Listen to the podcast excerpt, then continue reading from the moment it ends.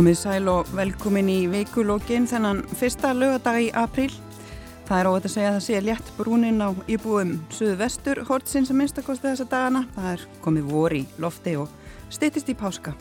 Um, hjá mér í dag eru Steinun Þórðardóttir, formaður Læknafélags Íslands, Helga Baldvins Bjarkardóttir, lögmaður og sérfræðingur í réttargæslu sjúklinga og fallast fólks og Haldóra Móensen, þingmaður Pírata.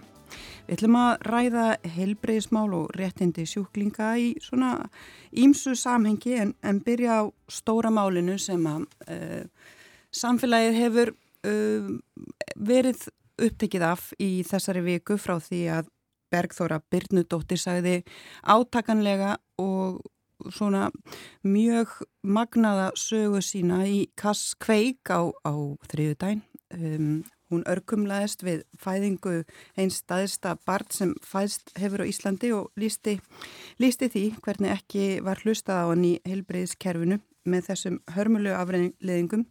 Í kjölfarið hafa margar konur stíið fram og sagt álíka sögu, sögu af álíka viðmótið að minnstakosti sem betur fyrir ekki margar með þessum miklu umrulegu og hörmulegu uh, óafturkræfu afleðingum en það verist sem ákveðin vitundarvakning sé einhvern veginn meðal hvenna sem að hafa þessa reynslu og áhugavert að byrja þá kannski á þér steinun að, að heyra svona hvernig er umræðin í, í lækna samfélagin eftir, eftir þessa umræðu. Já, ég get allavega sagt að umræðan hún var hafin í læknasamfélaginu talsvægt löngu áður og hefur verið í gangi í þó nokkur ár og við vorum með læknadaga bara í vikun á undan. Og þar voru tvo stór málþing akkurat um öryggismál uh, og öryggi sjúklinga. Þannig að þetta mál Bergþóru kemur eiginlega bara beint inn í þessa umræðu sem var þegar hafin og er mjög hávar meðal læknastéttarinn að við köllum bara eftir úrbótum á úrvinnslu alvarlega atveika og mér fannst bara, ég auðvitað horfið á kveik og, og hugum minn er hjá Bergþóru, þetta er alveg opbóslega sásökafullt og bara erfitt að horfa á þennan þátt og ég held að umræðin í læknahofnum er, er þar að okkar hugur allra er hjá henni. Og hérna og, og maður vill taka eitthvað lærdom eða draga lærdom af þessu.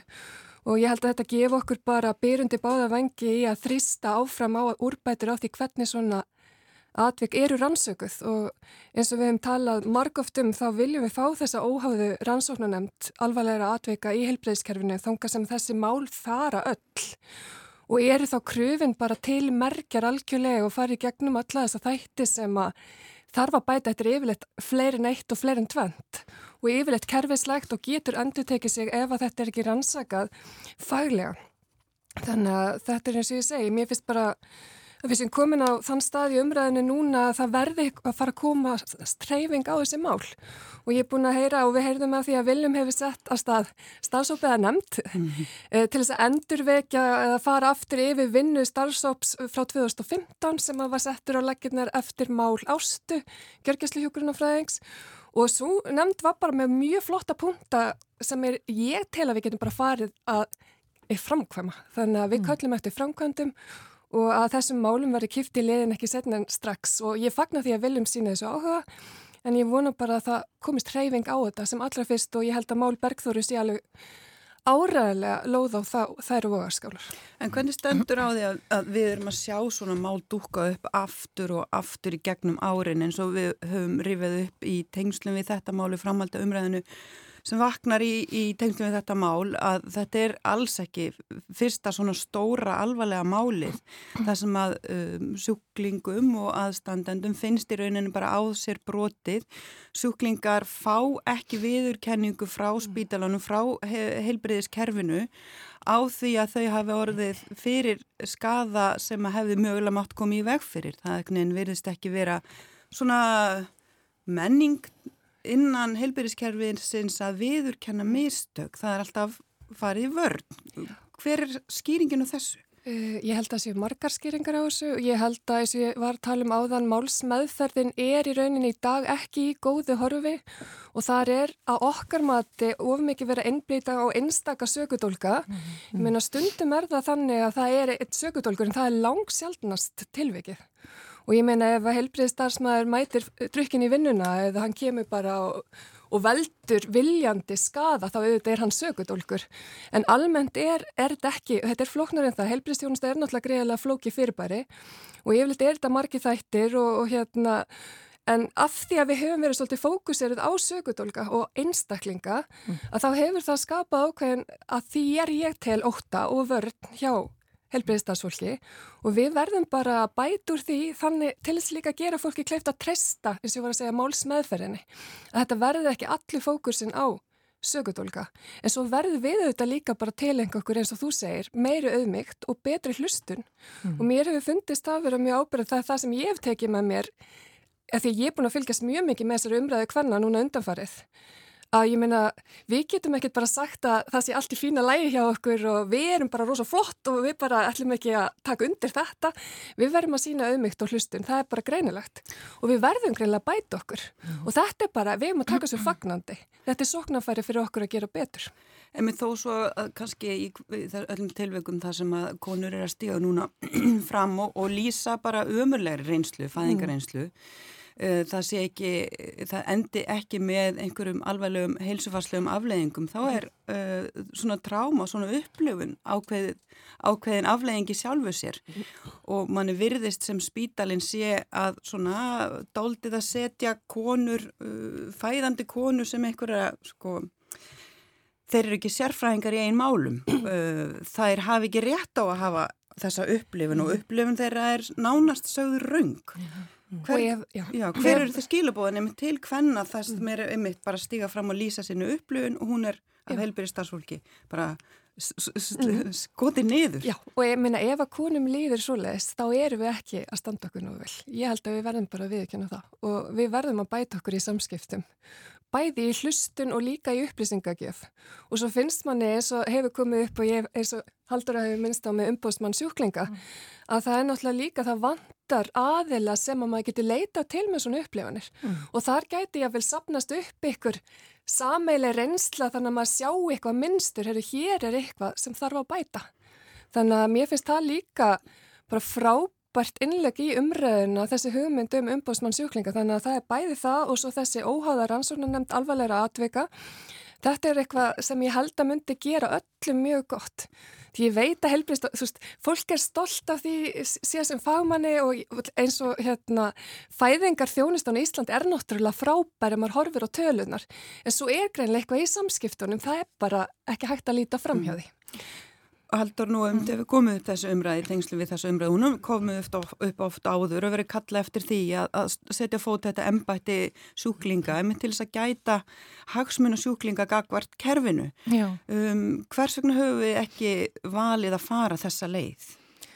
Úf, hvers vegna ekki? Ég veit það ekki, en mér langar kannski til þess að segja á því, það var rúslega erfitt að horfa á hann kveikþátt, sko, þetta var alveg bara Já, ég gæti alltaf ekki að horta á hann í heilu lægi, ég þurfti að taka pása á milli og, en mér er kannski mikilvægt að komi fram líka og hérna, þú veist, hversu mikið hluti af þessu er líka bara þetta er rosalega mikla álag og manneklan og gríðalegt vakta álag mm -hmm. innan í heilbreyðstofnanum sem er að valda þessu og ég er alveg sammálað því að ég held að eina ástæðinu fyrir því að svona erfitt fyrir fólk kannski að viðkynna mistök er út af því að heilbreyðstafsfólk hefur verið svo gert alltaf persónlega ábyrgt mm -hmm. mistökunum mm -hmm. uh, og mál verið að tekin fyrst fyrir domstóla og annað þannig að það er óbúslega erfitt að viðkynna ábyrði eða það getur gert því svona persónlega ábyrg akkvært bara uh, domstólum Svo það sé sagt og þá er ég ekki að segja að það eigi ekki að vera þessi ábyrð en, en það hefur bara verið þannig í gegnum tíðin að heilbriðstofnarnir hafa svo búið að lítið staðið að við bakið á heilbriðstarfsfólki sem hefur lendið í þessu og það er ekki gott. Mm. Og ef að hluti af ástæðin er þetta gríðalega vakta álag mannekla og annað að þá er spurning hvort að heilbriðstofnarnar sjálfar þurfi ekki líka að, að, hérna, að bera ábyrð á þessu. Mm. En varðandi sko þessi umbúsmar sjúklinga, ég held að það sé mikilvægt út af því að ennbætti landlæknis hefur haft eftirlit með veitingu, veitindum heilbristjónustu en við höfum í raun ekkert miklu upplýsingar um hvað áhrif það eftirlit hefur haft, veist, hversu, hversu gaglegt það er en er ennbættið svona nátengt heilbriskerfin og hefur kannski ekki þetta gests auga sem, sem þarfir á til að geta stunda þetta eftirlit uh, nægilega vel þannig að ég held að sjálfur skoðandi hvort að óháðara eftirlit er ekki áhrifaríkar eða ebla svona gæði helbriðs þjónustu um, sko ofinbæra stopnarnir eru ofta að taka ákvarðinu sem var að réttindi fólks. Það er verið að neyta fólki um réttindi og það á að vera hægt að, að hérna, sæta endurskoðun aðra stjórnvals, kærunemdar eða eitthvað annað. Ég held að þetta sé gríðarlega mikilvægt að fólk geti leita eitthvað annað eftir réttindurum sínum og líka bara eftir upplýsingum og handleðslu og annað. Þannig að ég held að þetta getur verið stert. Ég veit ekki akkur þetta hefur ekki verið gert en ætti klárlega að skoða og sérstaklega í ljósi umræðina núna.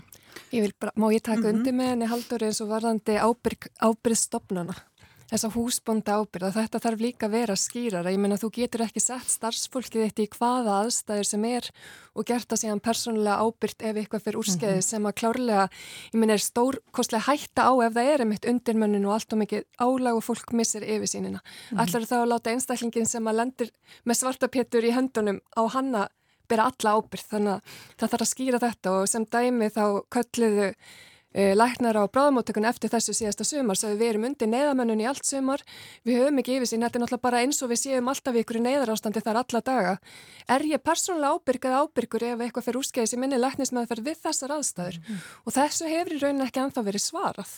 Að það þarf að skýra þetta Hluti af þessum ekki öll en eh, alls ekki öll og reyndar minnu hluti atvika sem að koma uh, upp hér á Íslanda hverju ári verða inn á landsbytjar þessum, þessum stóru stopnun Þar hefur maður haldið að væri kannski betur tekið á þessu en annar staðar, uh, eðlumálsinn samkvæmt, en þar virðist ekkit vera neitt sérstakt batteri eða apparat sem grýpur einmitt heilbreyðis starfsfólk sem verður á að gera mistök. Við getum öll verið saman um það og komum skýrt fram í þessum þætti að okkur verður öllum á að gera mistök. En ef það er ekkert sem grýpur þig, þá er þetta kannski erfiðara að viðurkenna þau vegna þess að óttin við eins og segir að vera að gera persónlega ábyrgur er til staðar. Hvers vegna hefur spítalinn ekki náða að vinna betur með sína öryggismenningu gagvart starfsfólki sínu? Þetta er bara mjög góð spurning og ég veit svo sem ekki svarið en við hefum verið að kalla eftir því að sko, það er gæðadeild á spítalunum sem stendur sig mjög vel en er mjög fáliðið. Þannig að við hefum kallað eftir eh, bara auk, aukinni aðkomi hennar og hún verði elft og að spítalinn seti líka upp verkla í kringum það hvernig starfsfólk sem lendur í þessum spórum er gripið.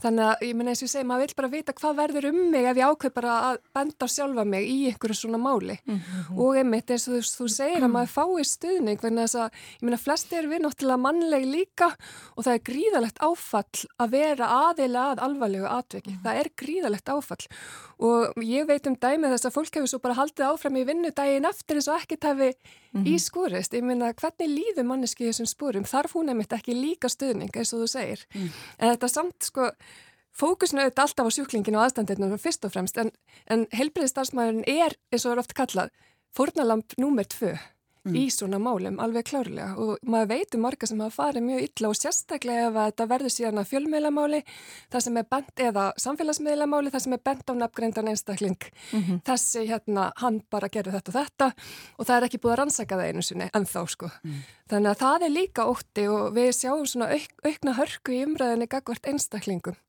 bara þessari óbumberu umræðu Og svo kannski ef ég má aðeins hoppa inn út í mér finnst líka veist þessu umræðu um að þessi ekki hlusta á konur og annað út af því að ég get alveg tekið undir þetta, veist, ég sem kona sem að hef um, sátt þjónustu til heilbreyðstofnana og oftast Guðsilof fengir úrslega goða þjónustu og þá hef ég samt alveg fundið fyrir þessu.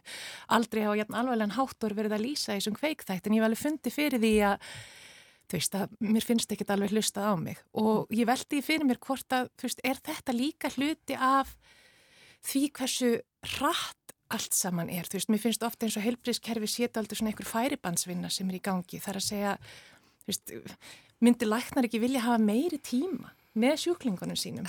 Á ég að segja eitthvað, sko ég er öldrunalæknir, ég valdi það þá sérkjörn meðal annars vegna þess að öldrunalæknar, þeim er heimilt að gefa sér tíma, Já. það skilja það allir við þurfum meiri tíma með eldra fólki, er með mm. flóknari vandamál, flóknari vandamál, það er oft svolítið hægara skiljiði og þarf bara meiri tíma til að ræða, þannig að ég valdi svolítið þess að sérkjörn bara vegna þess að ég vil geta að gefa mig tíma. Ég, ég, ég, ég vil að mér líði vel með mín samskipti við mína sjúklinga. Mm. og þannig að þú veist ég fór svolítið, þetta er ekki eina ástæðan svolítið það sem er akkurat út af þessu og það eru margi lækna sem er búið ekki við þennan luxus eins og maður segir. Mm -hmm. og það er ótrúlega vond tilfinning að finna bara ég er ekki alveg fullnægandi ef en þess að ég bara næði því ekki í mínu samskiptum. Mm -hmm. Helga, ef við förum aðeins yfir í þessa punktar sem eru komnið fram óháð rannsóknar nefnd, það er ekkit sem grýpur heilbyrjir starfsfólk, einhvern veginn ekki reynst vera það uh, apparat sem að fólk treystir til þess að fylgja eftir málum hratt og vel að minnstakosti. Mm -hmm. Við höfum séð eins og þarna talað um kvartanir sem að tekur allt upp í jafnvel lengur tvö ár að fá svona álit landlæknis uh, tengslum við mm. kalluð það er kallað eftir embætti umbósmann sjúklinga allt þetta eru svona hugmyndur um úrbætur á þessu sviði uh, nú hefur þú starfað svona í réttargæslu fyrir fallafólk, sjúklinga, fólk á jæðarhópum mm. hvernig horfir kerfið við þér og þínum, þínum skjólstæðingum? Sko, ég bara byrja að taka undir bara eiginlega með öllu sem að það hefur komið fram hérna undan mér. Um, ég sé þetta sem bara stóran kervislegan vanda og, og menningabundin vanda. Við erum rosalega vöndi að tala um okkur sem Ísland best í heimi, í afbreytti, í mannréttindum og, hérna, og það er einhvern veginn svona partur af sjálfsmyndin okkar að vera þar. Og hvað þýðir það? Það þýðir að við viljum ekkert endilega hlusta á það sem að miður fyrr og mér finnst sko eins og við erum með sko góða lögju og mörgu leiti sem að tryggir alls konar réttindi að þá veist mér nánast allar eftirlitstofnanur okkar uh, laskar og, og lélegar og ekki til þess fallnar að sinna sín hlutverki. Og það vantar sárlega svona sjálfstæða og óháða eftirlitsæðila gagvart uh, uh, spítalunum og ég held að umbósmaður sjúklinga væri alveg frábæri því. Ég held að svona eitt besta eftirlits apparati sem verður með séu sko réttindagæslu með fallarsfólks en það skiptir ekki máli hvar, hvar þú drefur niður fæti og eins og þetta bara, við erum ekki ennþá komið með innlenda mannréttindastofnun. Við erum ekki komið með sjálfstæðan eftirlitsaðala sem hefur eftirlit með því hvernig við uppfyllum mannréttindarskuldbindningarnar okkar. Skilur, og þetta er út af því að einstinni vitu við að við erum að gera på bak á svo mörgum sviðum, mm. gagvart svo mörgum jásettum hópum og það er einhver svona tregða valdhafa og, og þeirra sem að hérna, við þurfum að kalla til ábyrðar til þess að fá upp þessar stofnanir og þessi embætti sem að hjálpa okkur að geta kalla fólk til ábyrðar mm -hmm.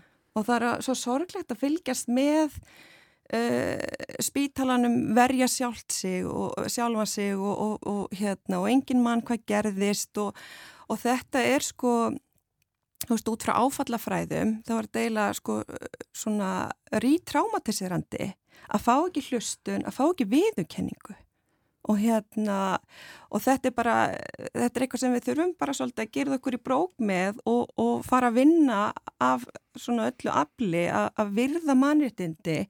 Og ég sé það sko í mínu störfum sem lögmaður, við erum með réttakerfi og það virkar rosa fínt eða ótt fylgta pening þá getur þú sko aldeilis farið mm. og sótt hinn rétt en ef þú ert í einhvers konar jásettri stöðu og þú þart að, eins og bara, ef þú ætlar að kæra mál til kærunda jafnleitsmála, þú far ekki brjálan stuðning til þess og þú ert að gera á þína einn fjárháslega áhættu og getur mögulega fengið greitt ef þú vinnur málið.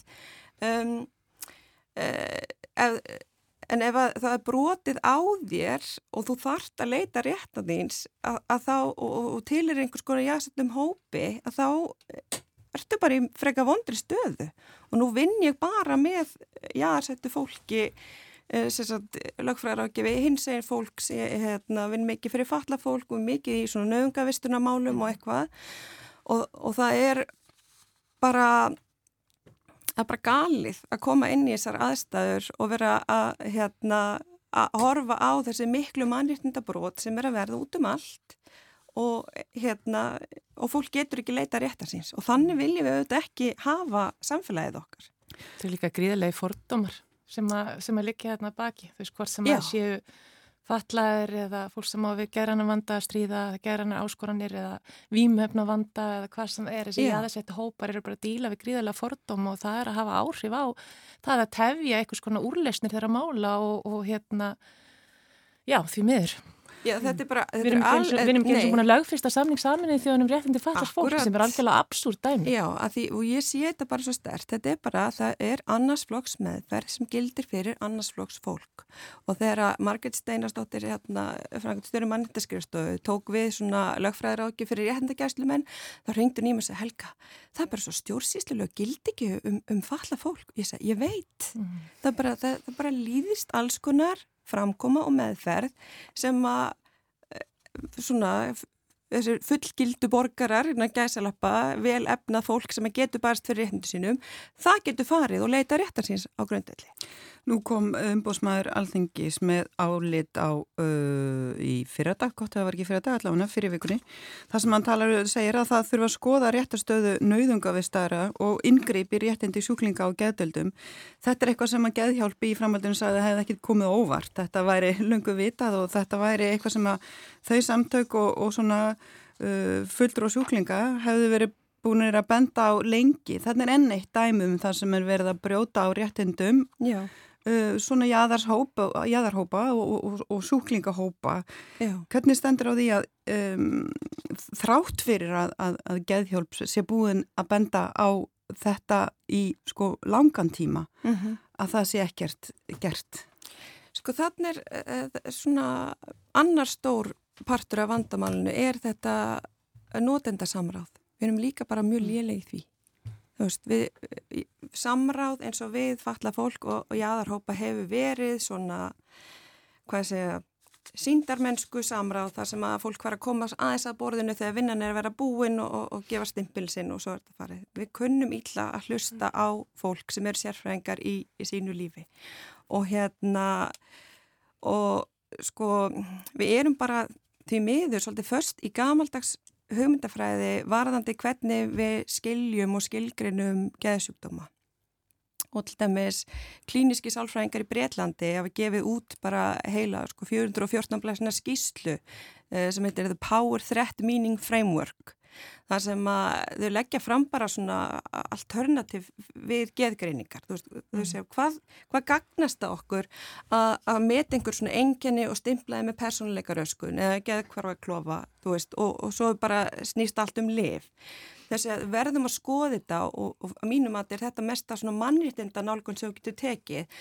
að skoða manneskunni heilsinni þú skoðar hana í, í samhengi við áföllin sem hún er lent í, í samhengi við stjætt og stöðu, til dæmis fátækt, hvernig ætlar að tryggja geðheilbriði mannesku sem býr stöðugt í óta við hvar hérna, næsta mál til kemur mm -hmm. eða hún hefur ekki þakka við höfuðið, en samt eru við með kerfi sem bara hikar ekki við að svifta fólk sjálfræði og nauðungarspröyta það, mm -hmm. en þá ekki þakka við höfuðið. Veist, við þurfum að horfa á þetta miklu viðtækara og taka inn í myndina stjætt og stöðu og áfallarsögu. En geðheilbriðskerfi okkar er ekki að gera það.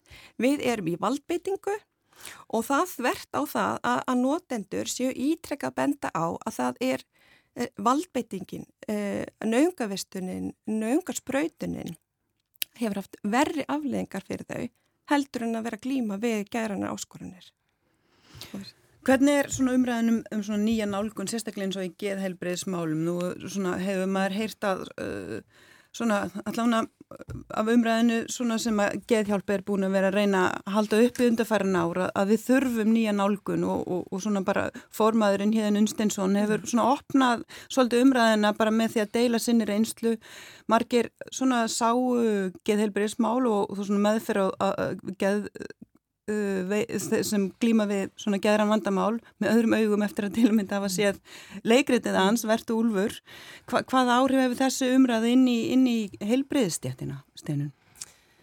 Sko, ég held að, ég bara tek undir með Helgu að ég held að áhrifin séu bara, ég held í fyrsta lega að fólk sé bara að opna augun sín gagvart þessu og sé tilbúinur til að hlusta á nótöndunar og ég held að nótöndunar séu komnir meira og meira inn í umræðuna, ég er að sjá það og maður vill alltaf bara sjá það í miklu meira mæli eins og þú segir og ekki sem eitthvað svona málamynda heldur alla leið í gegnum alla stefnumótun og, og hvernig þetta er, koma að segja, hvernig þjónustan er uppbyggð frá A til Ö. Þannig að ég held, sko, mér finnst þetta alltaf að vera sami rauð þráður en alveg eins og varðandi konurnar í fæðingu og hérna á meðgöngu að að við þurfum að læra að hlusta á þá sem við erum að þjónusta. Og, mm. og ég held að það sé, eins og ég segi, bara rauðið fráðurinn í gegnum þetta allt saman.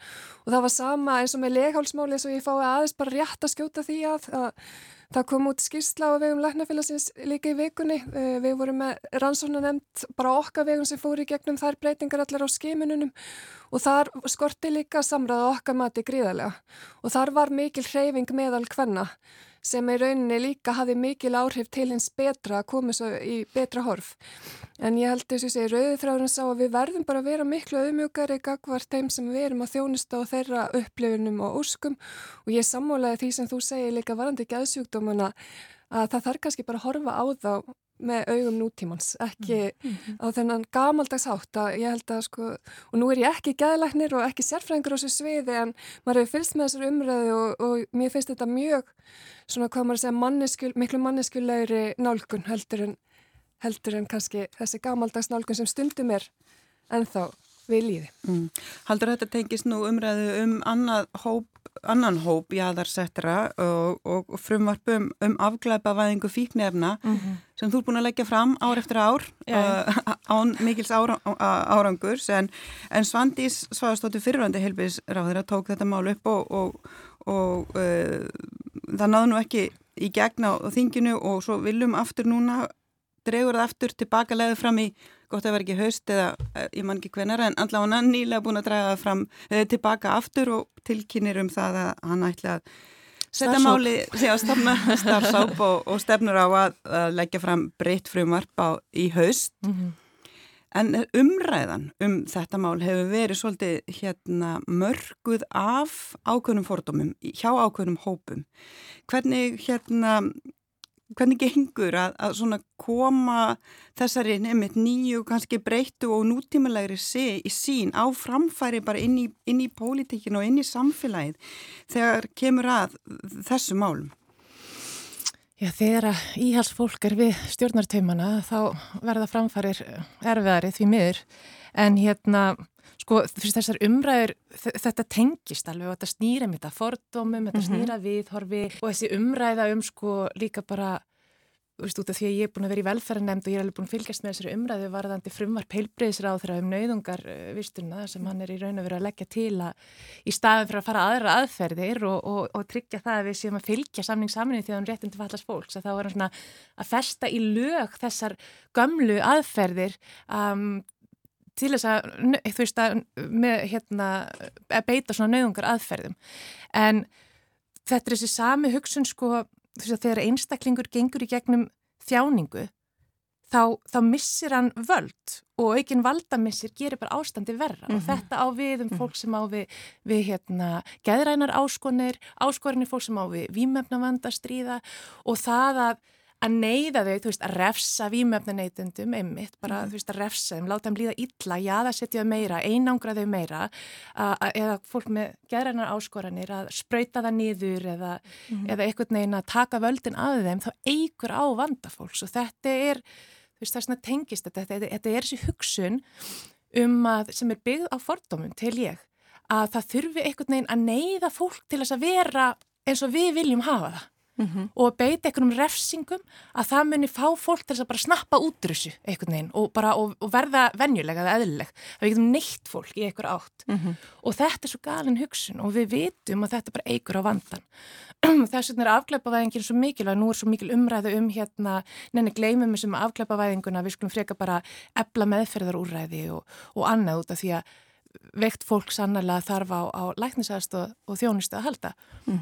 En málið er að það sem fólk áttar sig ekki á um leið og hættir að refsa fólki fyrir að vera veikt, um leið og hættir að, að, hérna, að, að refsa fólki á þennan hátt að þá mingar þörfin á meðferðarúræðum. Mm -hmm. Veist, er, við erum ekki að fara að auka á einhvern vanda með því að hætta að refsa fólki, við erum að fara að minga vandan þeirra og við erum að fara að draga úr þörf á heilbreyðstjónustu. Mm. Uh, auðvitað skiptir ógeðslega miklu máli að vera með góða heilbreyðstjónustu en við þurfum ekki að setja þetta í einhvern starfsóp sem by the way, er engin notandi í, veist, þetta er bara sama vandamáli, það er ekki verið að hafa samráð við notendur. Mm -hmm. Það þarf ekki að setja þetta vandamáli í starfsóp, við getum hortið Portugal, þeir eru búin að vera að gera þetta síðan, hvað var það, 1996, eins og mhm. slæm ártöl, ég mandi ekki nákvæmlega.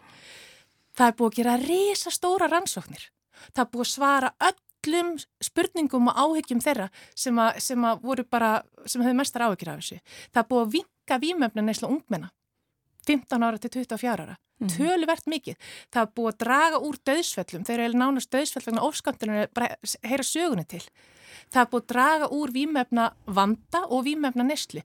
Þannig að mér finnst svo vond að við getum ekki einu svona hort til annara þjóða lært af þeim mm -hmm. og af því sem þau hefur gert vel og tekið það til okkar. Ég menna talandum Noregur er með livjalösan spítala. Akkurat. Livjalösa getild. Livjalösa getild. Mm -hmm. Þar geta þeir algjörlega verið að taka á þessum vanda án þess að neyða fólk spröyta niður eða verið með nokkus konar liv. Það er til alls konar aðferði til þess að fara að þessu mm -hmm. en það kostar það að við séum smá framsýn, við séum til í að horfa til annara landa, sjá hvað hefur virkað, stíga yfir fordóman okkar mhm. og mögulega líka hérna kostar það bara smá sko það náttúrulega kostar peninga að gera heilbrískerfi betra það er bara mm. fyrst og fremst og ég, ég má aðeins skjóta inn í með Livjalesa spítalana, maður hefur einmitt verið að fylgjast með þessu að því að nú vinn ég með fólk með heilabilun og, og mér finnst bara aðstæðan sem að okkur er búin í heilbrískerfinu fyrir þessa hópa ekki nógu góð. Mm -hmm. og líka geðdeldin, ég meina að horfa bara á geðdeldarhúsið með hverjum líður vel þar inni? Mm. og það var því fréttunum um daginn þessi guli, frægi guli litur. Sem bara vísindilega sannar að sé skadalegur Nákvæmlega maður hugsa, ég menna ef þetta er umhverfi sem að stiður við bata mm -hmm. Uh, þetta er svo mikilvægt og ég menna þarna eins og þú segir við verðum að fjárfesta til að uppskera og við uppskerum öruglega bæði fjárhæslega og auðvitað klárlega í betri líðan og einmitt mm -hmm. minni lifjanótkun -hmm. Svo er líka bara mannleg þjáning er, veist, eðlilega í ykkur mynd Við verðum að líta til þess að þetta er bara öllur hluti af, af kannski lífinu, fólk gengur í gegnum tímabil, mm -hmm. en mhm. fólk þarf tengst og það þarf nánt. Þannig að, og aðferðina sem við erum ofta að beita og sem erfiðustu mhm. tímabilum mm. lífsfólks mm -hmm. Eru að emmitta á öfuga leið, þú veist, -hmm. er að rjúfa tengst og eru að jaðasetja og íta fólki frá. Og það er svo vond. Helga, í þessu álið, þetta er umbóðsmann er talað um sko, eins og hefur komið fram, veist, bönn við að fara út að reykja, bönn við að, að, að ringja símtöl, taka símtöl mm -hmm. og allt mhm. þetta. Mm -hmm. Þetta er svo augljós mannreitindabrót, einhvern veginn sem mann finnst einhvern veginn sem leikmanni get ekki mögulega verið hluti af einhverju læknismeðferð, svona gagnreindri læknismeðferð. Hvernig stendur á þá þú veist að svona svona vinnubröð viðhafist og séu bara samþygt innan kervisins. Sko það er bara rosalega erfitt að skipta um gýr og mér finnst þetta að tengjast, sko Halduröfnum kom svo vel inn á fordómuna. Mm. Um, við erum til dæmis ótrúlega ómeðvituð um uh, forréttindu okkar og jáðarstöðu og, og, og hvernig við höfum öll tilningu til að misfara með völd og þess að þarf alltaf að vera til eitthvað apparat sem tjekkar okkur af og við, veist, við erum búin að marg sanna það, gömlu hugmyndirnur okkar, refsistefnan, valdbeitingin, hún virkar ekki.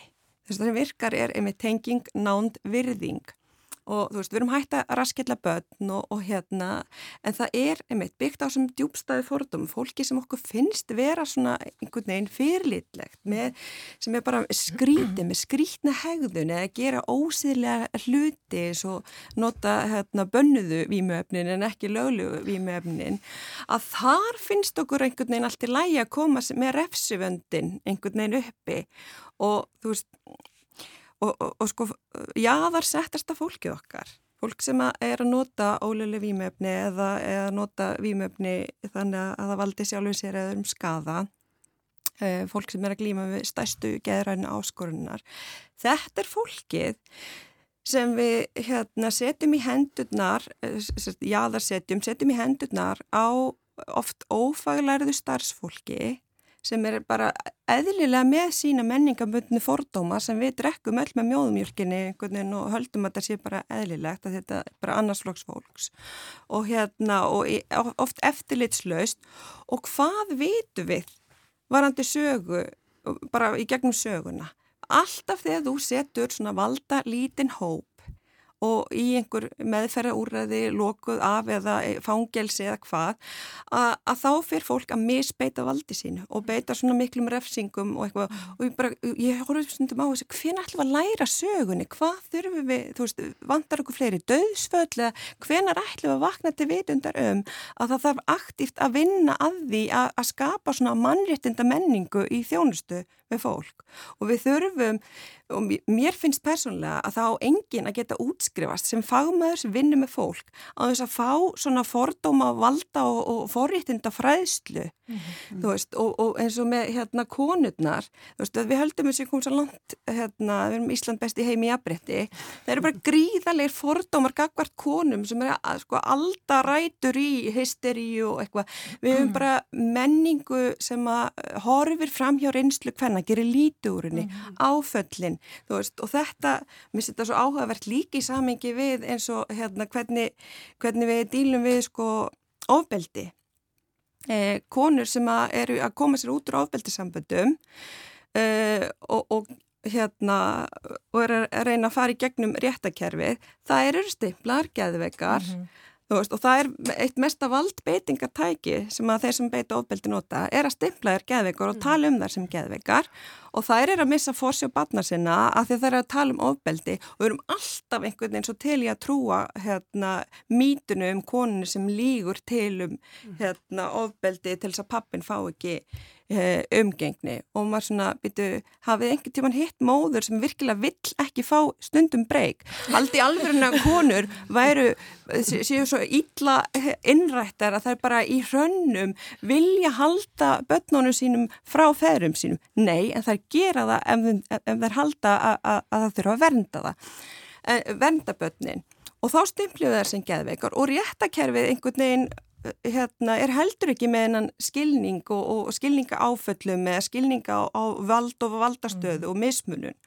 Veist, og mér finnst galið í þessum hérna, lögræðismálum að það séu sko tvær svona pósitífi sko fræðigreinarnar sem að taka hérna úrslita ákverðun um mannréttindi e, fólks með he, mjög jæðsettum hópum lögfræðingar, dómarar og læknar og lögfræðingar eða dómarar eru mjög sjaldan að efast um það sem að læknar segja. Ef að læknir segir að hann þarf að vera nöngavestur þá er það bara mm. tekið gott og gilt. Og þessi umræðum um vald og valda ójafvægi kemur svolítið inn á þetta sem við byrjuðum á að ræða hér í, í upphafi þáttar er hvernig konur upplifa sig, ekki hlustað á sig í, í, í fæðingum, í heilbríðskerfuni yfir höfuð. Mhm. Þó svo að lækna sér ekki að, að beita einhverju valda ójafvægi þá er þannig statusmunur. Þú ert þú ert sko undir læknin og, og ráðleikingar læknisins komin. Hversu miklu umræður um þetta og, og innan heilbírskerfisins og, og það hefur náttúrulega undarfærin ár oft komið upp svo umræða að jáðasettir hópar eru með þetta öðruvísi í helbriðskerfni en nú er að koma upp ákveðin umræðum og við höfum séð þetta nú í gegnum tíðin en þetta er svo hávær umræða núna og ábyrrandi að konu ekki, segjast ekki hafa rött. Mm. Um, er þetta þurfum við einhverja nýja nálgun, þurfum við nýja umræði, þurfum við svona vitöndu vakningu innan heilbreyðistjættarinnar kannski enn og aftur?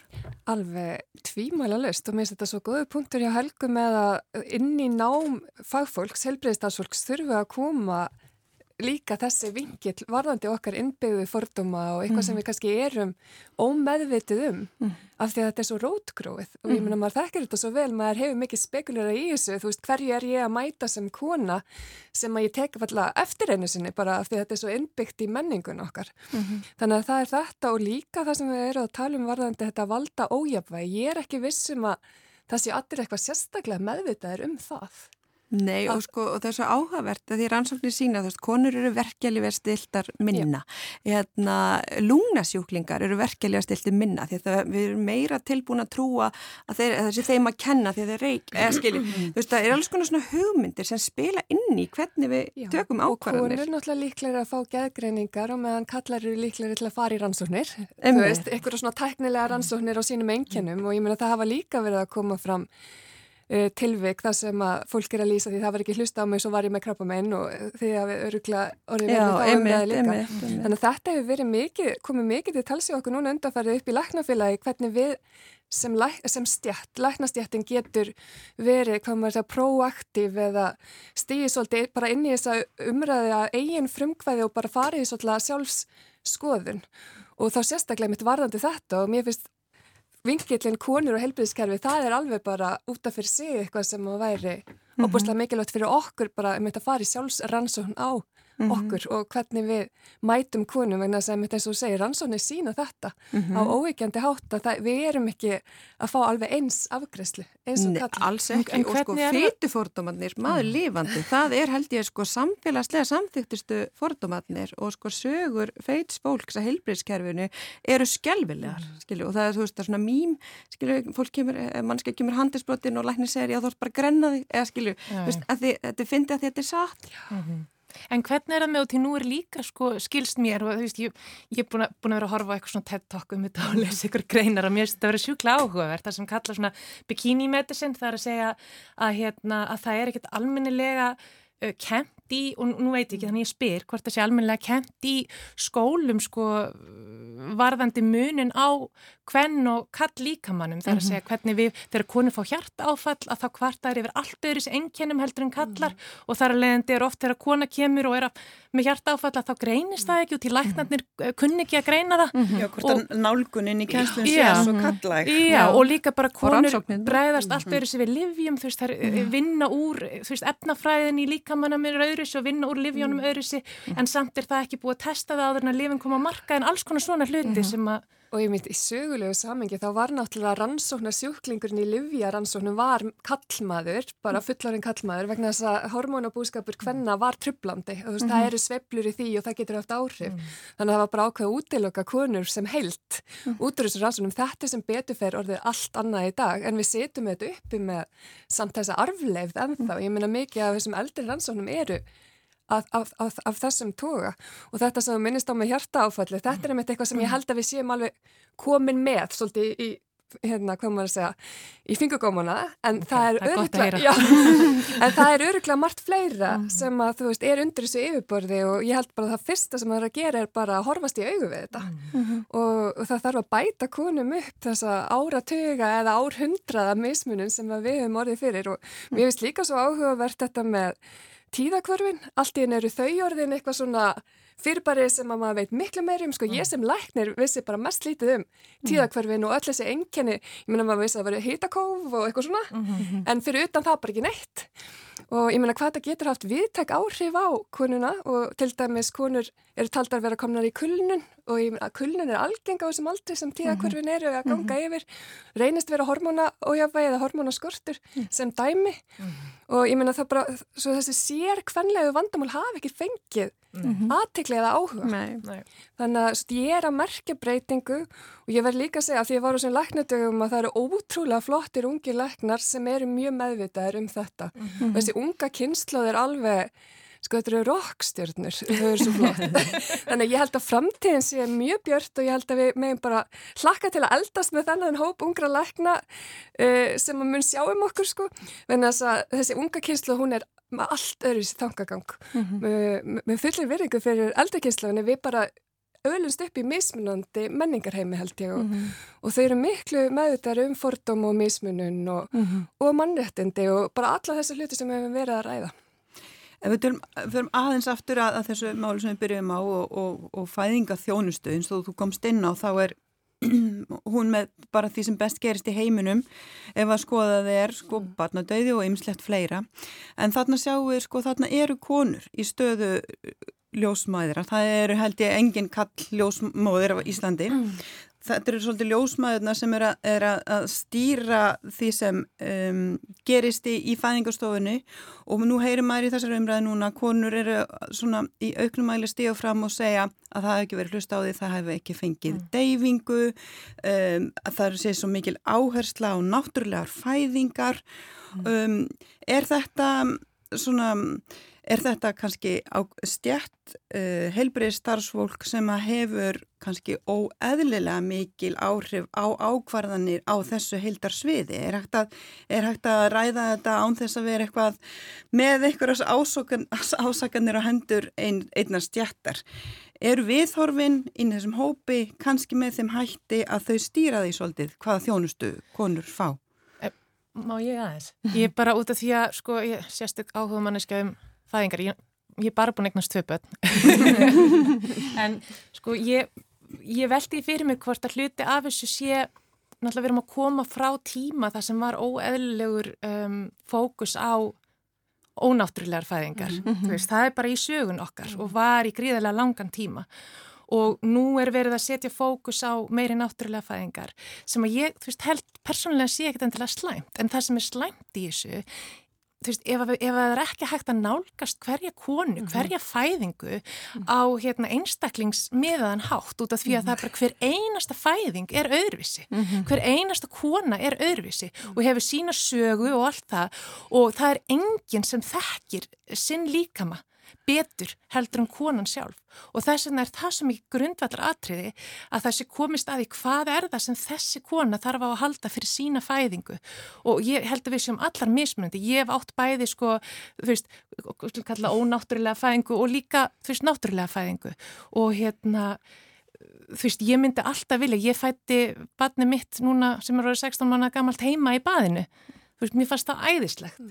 en þú veist, ég er bara ótrúlega heppin þú veist, þetta var bara opastlega eðli meðganga og allt það mm -hmm. á meðan aðra konur eru það ekki, þannig að þetta finnst mér bara að vera líkitin að við sem að nálgast þetta á einstaklingsbasis mm. en til þess að gera það þá þurfa læknar að hafa tíma þú veist, þetta er að hafa getu til þess að, að sinna hverju konu -hmm. á, á þennan hátt Ég er myndið Ég ætla bara að kommentera að ég var búin að skrifa einstaklingsbundna fæðingar hérna hjá mér áður en þú orðaði þetta svona, ég er svo innilega sammála, ég held að, þú veist, við um þetta vorum með mjög mikið svona yngreip og lifjagjafir á ákveðin tíma í sögunni, svo fórum við yfir kannski aðeins mögulega oflánt í þess átt, þannig að við þurfum að finna balansin og mér finnst bara, eins og ég var að segja í upphafi, ég held að þetta sé bara greiðilega vermaður lærdomur sem að þarf að gera eitthvað með allar þessar sögur sem hafa komið fram mm -hmm. og það sem hefur stundu farið fyrir brjóstið á mér, bara sem konu emitt er að mér finnst að það sé verið að skipta manni í einhverja flokka af svona sigurvegurum og svo einhverjum svona misafnöðum tilveikum mm -hmm. sem að ég eh, gerum alveg rosalega reyða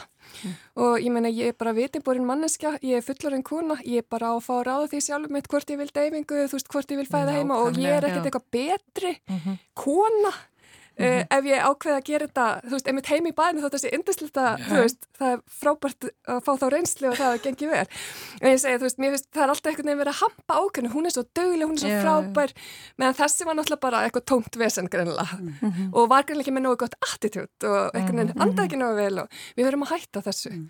mér finnst mhm. þetta, ég menna eins og segi, við erum uh, og þetta er bara mjög útsett stað að vera að fæða þú veist, maður er bara, þar verður bara virkilega hlustamann, sko. Já, en það, það er bara, það er nákvæmlega þetta. Það, það á að vera þessi sjálfs ákvörna réttur og þú veist, þá nefnir sjúklingur einhverju liti til þess að velja hafna meðferð sem á að gilda fyrir alla allstaðar mm -hmm. og hérna, þú veist, nú ég við styrum að tala um persónlega reynsli hérna þrjár bara gjör ólíka fæðingar. Fætti heima, fætti upp á spítala þú veist, bat sem festist í axlaklemi og glöðu var spítala.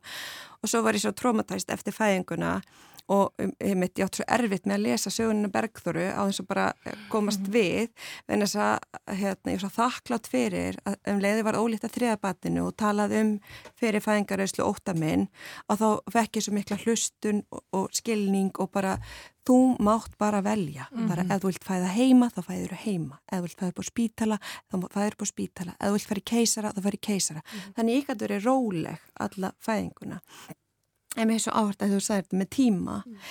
ég held að þetta sé svolítið kannski svona kjarnin í þessu öllu saman ef við ætlum að veita þjónustu sem uppfyllir mannreitindi þá getum við ekki gert það út frá þessu kapitalíska hérna, mælikvarum að allir þurfa alltaf að kreista sig til síðasta blóð og svita drópa. Við þurfum að skoða heyr, heyr. hvað þarf hvað þarf til þess að geta veitt góða þjónustu og þá skiptir ekki mál hvort það gafast bönnum, öldruðum, fölluðu fólki, fólki með andlegar áskoranir. Hvað kostar að veita þjónustu sem uppfyllir mannreitindi? Mm -hmm. Og ég held, ef myndum gera það, að þá er þetta ódýra til lengri tíma, því að það er svo miklar afleðingar af öllu sem að fer aflega þegar við verðum ekki mannreitindi. Tek svo innilega undir þetta. Og ég menna það hefur verið ákveðin hugsunaráttur í helbriðskerfinu og undanförnum árin sem byggir á þessu lín hugsunar hérna, hætti, eða ég, ég veit ekki hvort að við heyrta af þessu sem að kemur vist úr Toyota byrjaversmiðinni Já, og þetta er eitthvað sem fyrir mér persónulega hefur alltaf verið rosalega stuðandi. Mm -hmm. af því að við erum að eiga við lifandi einstaklinga mm manneskjur. Þau mun aldrei geta passað inn í eitthvað svona verksmiðjum mótel og það er verið að tala endalust við okkur um framleiðinni. Uh -huh. Hvernig getur þú steinun sem læknir ja. framleitt meira og ég bara framleitt hvað? Hvað er þetta? Veist, ég er ekki að framleiða sem sko. framleiðir sko. og, og ger, er ósla fljótur eða lækni sem hlustar ósla vel ég held að við vitum öll svari við þessar spurningu Akkurat, og líka eins og þú segir, ég meina við setjum alveg örugla uppi með samt líka skilvirkar og ótrúlega kerfi ef við leifum bara helbriðstafsfólki að vera manneskjur á móti mm -hmm. og ekki ykkur svona bútur í versmiðinni mm -hmm. Haldur, hvernig heldur að takist að koma þessari hugsun inn í pólitíkina sem er svolítið náttúrulega mikið alltaf að hugsa um, um peningana? Eðlilega, það er hluti af því sem að eh, stjórnmálunum ber að gera, það er að passa upp á almanna fjö en þarf þarna nýjan nálgun, þarf nýja hugsun úr stöðugt að heyra mm. hörmungusögur og helbriðskerfunu og ekki síst frá starfsfólki sem að er rópandi yfir neyðarástandi, uh, undirmönnun, kulnun, mm. bugun mm. já. og bara uh, búið að vera núna sko í mörg mörg ár. Já, býtu hvað höfum við langan tíma? Kanski í hérna, stuttumáli, já sjálfsögðu þar nýja nálgun og sko vonin sem að ég sé í þessu, ef ég ætla, ætla að reyna að vera jákvæð, er svo að veist, nú, nú er endur ríkistjórn hefur talað um, og þá aðalega fórsætsræðra Katrín Jakobsdóttir, hún hefur talað um þetta velsældarhagkerfi. Mm. sældarhagkerfi fyrir ekki að heitir það.